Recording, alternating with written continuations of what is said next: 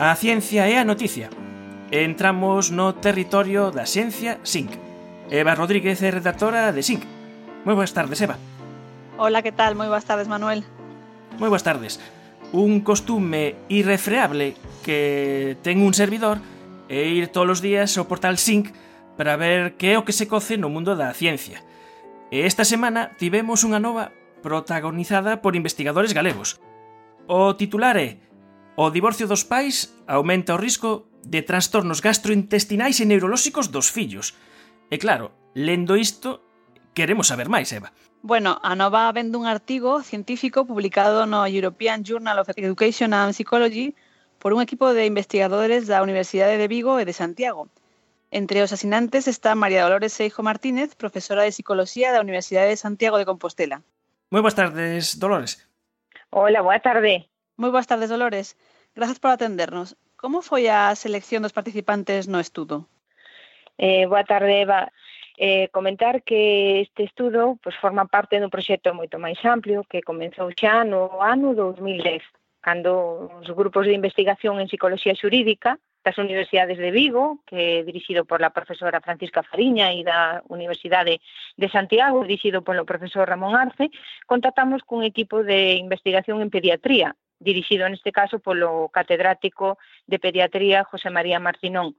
Pois ben, ambos grupos de investigadores poñemos en común as inquedanzas sobre a rotura do, de parella, do pai e da nai, e como esta pode influir na, na saúde dos nenos, dado que se trata dun tema moi sensible de alto interese social, e tamén para os pediatras que diariamente atenden pacientes que acuden con sintomatoloxía física pero que pode ser explicada en algúns casos polas circunstancias familiares.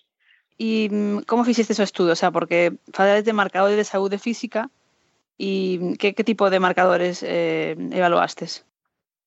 Bueno, os investigadores recolleron información eh, amparados polo, polo VAS, que é un, un cuestionario que avalía eh, pois a historia estruturada do desenvolvemento dos nenos, que recolle a presencia de ata 10 áreas de, de saúde a nivel respiratorio, a nivel cardiovascular, gastrointestinal, problemas xenitourinarios, problemas musculoesqueléticos, dermatolóxicos, eh, neurolóxicos, alergias e incluso, eh, sin olvidar, pois alteracións no sistema visual e auditivo. E había diferentes marcadores en cada unha destas grandes áreas, non? Eh, por exemplo, pues, a, eh, a nivel respiratorio, pues, resfriados, eh, asma, sinusite, a nivel gastrointestinal, por exemplo, vómitos, diarreas, por decir algún, algún exemplo, decir, marcadores xa específicos en cada unha destas, destas áreas. E logo o estudo fíxose no Complexo Hospitalario Universitario de Santiago de Compostela. Como fixeron para relacionar ese tipo de, pues eso, de rupturas matrimoniais e estas cuestión de saúde física dos fillos? Eh, pois sí, eh, o, o estudio levouse a cabo, eh, os, os investigadores da parte pediátrica eh, son tamén investigadores do, do CHUS, entonces puxémolo en marcha, sobre todo aí, eh, a, na parte de urxencias pediátricas. Eh, unha vez que os pais e, pois, acudían cos nenos a urxencias, ali se atopaban eh, con unha folla informativa sobre, a, sobre este estudio e os propios pediatras e os demais persoal que é sanitario que se encontraban ali pois lle indicaban, lles indicaban o, o modo de participar. Eh, despois estendeuse a participación a outros, a outros pediatras mm, tanto da área de Santiago como de outros centros de saúde. Eh, Por exemplo, colaboraron eh, centros de Saúde de Cambre, outros de Coruña Cidade, de Ribeira, Boiro, C, uh -huh. Astrada, Fisterra, en fin, diferentes eh, centros de saúde, pediatras de centros de saúde colaboraron neste estudio. E logo, cando viste os resultados das enquisas, que riscos achastes neste, neste tipo de, de situacións? Está eh, constatado problemas, factores eh, importantes que poden levar pues, a consecuencias negativas relacionadas coa rotura de, de parella, pero sobre todo, sobre todo, e queremoslo deixar claro para, para que non nos leve a error pensar que é o divorcio en sí o que pode acarrear ou levar consigo estas alteracións negativas. Non é o divorcio, o que constatamos nós con diferentes estudios tamén que, que, que levamos a cabo, así como outros investigadores, é que é o divorcio mal xestionado. É cando eh, este divorcio pois, é elevado eh, vai aparexado con este co, co divorcio, coa ruptura da parella, pois un nivel de conflito alto. Entonces, estes niveles de conflito acaban eh, contaminando e, eh, aos nenos que acaban pues, con un nivel de presión que eh, os leva a manifestar pois, o, o denominado pola Asociación Americana de Pediatría estrés tóxico. Este estrés uh -huh. tóxico cando os nenos están sometidos a este estrés tóxico, pois é precisamente o que lles eh, fai que o seu corpo pois eh, responda con alteracións, pode responder con alteracións físicas do tipo que encontramos Cales son os principais síntomas que vos relacionades con, con estas situacións de, de divorcio que non se gestionan, que non se gestionan ben? Os principais síntomas, o sea, os mm. signos. Sí. Eh, ten, eh, os, os principais signos pois, é eh, eh, generalmente pois, o litixio, é dicir, non salen, son familias que non salen do xuzgado, que non se comunican mm, prácticamente de, de xeito directo eh, nada, Eh?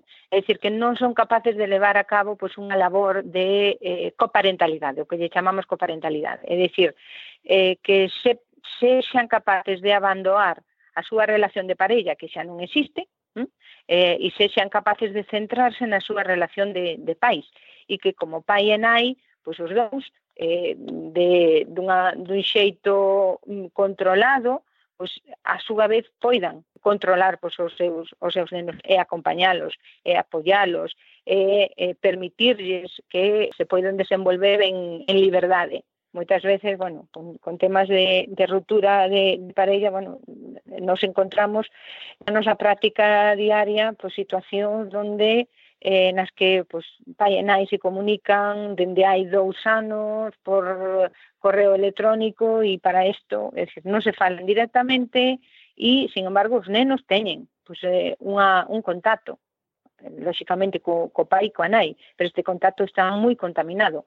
Estes nenos están altamente presionados e esta situación de, pre, de presión é o que eh, fai que o seu corpo pues, responda con ansiedade e finalmente Eh, esa ansiedade é a que os leva pois a manifestar ese estrés e estas alteracións. Isto está moi moi moi estudiado, só que non tiñamos datos de, de Galicia e agora temos datos de Galicia tamén na mesma dirección. Esa dirección de que eses eh, divorcios non ben xestionados aumentan o risco de trastornos gastrointestinais e neurolóxicos nos fillos, nesa poboación eh, infantil, estos 18 anos, que vos estudiastes. Eh, E vendo todo isto, mm, apuntala máis o traballo que levades desenvolvendo eh, durante anos de que unha ruptura de parella non ten que supoñer unha ruptura da familia. Exactamente. Eh, nós desde aí xa pois, eh, 15 anos eh, eh, que temos en marcha un programa para apoiar pois a estas familias que teñen nenos nenos mm, pequenos e que axudarlles pois a que poñan en marcha pois esta labor de coparentalidade. Moitas veces as familias pues se encontran mm, desamparadas, perdidas, actúan por, por sentimentos eh, o que lle sale de dentro, non como, como persoas.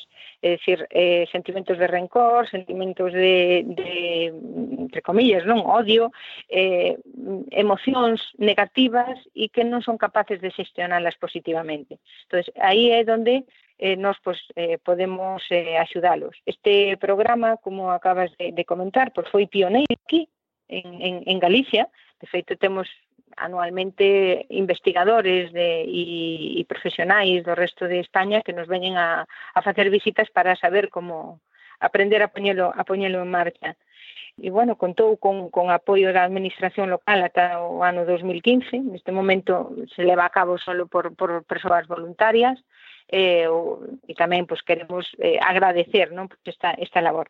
Pero é unha pena, desde logo, pois é unha pena que, que, que non conten con un, con un apoio. Eh, podemos dar un enderezo web de referencia para quen queira contactar co programa Rutura de Parella non de Familia? Por suposto, eh, na, dende a Unidade de Psicología Forense, que está situada na Facultade de Psicología, no Campus Sur, eh, pois, eh, hai, pois hai un equipo, un equipo aínda que funcionan de xeito voluntario, eh, sí que hai garantías de que están ben formados eh, e, por tanto, recibirán a calquera persoa que contate ben telefónicamente ou ben personalmente con, con, con este equipo. E a páxina web é usc.es barra programa ruptura. usc.es barra programa ruptura.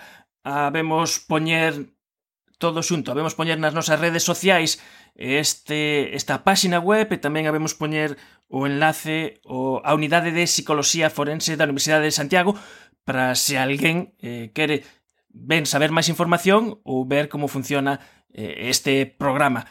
Eh, falamos con Loli Seijo Martínez, que é profesora de Psicoloxía da Universidade de Santiago e autora eh, con este grupo de investigación eh, deste estudio. Moitas grazas por atender a chamada de efervesciencia. Moitas gracias a vos de parte de, de todo o equipo polo vosso interese neste, neste tema e, sobre todo, pois, o interese nos nenos e nas nenas, que é o que nos importa. Gracias. Eva Rodríguez, moitas grazas a SING por traernos estas novas. A vos, como sempre. Até a próxima. Chao.